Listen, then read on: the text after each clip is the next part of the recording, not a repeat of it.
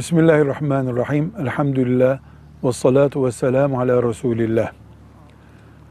Anneyi ve babayı memnun etmek Allah'ın en büyük emirlerinden biridir. Anneye, babaya onları üzücü tavırlarla karşılık vermek, hizmetlerini ihmal etmek ise en büyük günahlardandır.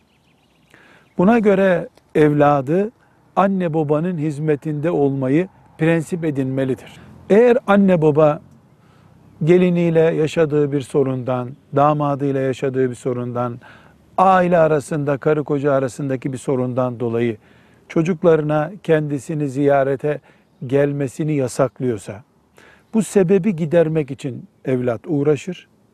Bu sebebi gidermek mümkün değilse, benim ziyaretime gelme diyen bir anne, bir babayı ziyarete gitmemek günah olmaz ama evlat evlatlığını hiçbir şekilde unutmamalı, nezaketini bozmamalıdır. Velhamdülillahi Rabbil Alemin.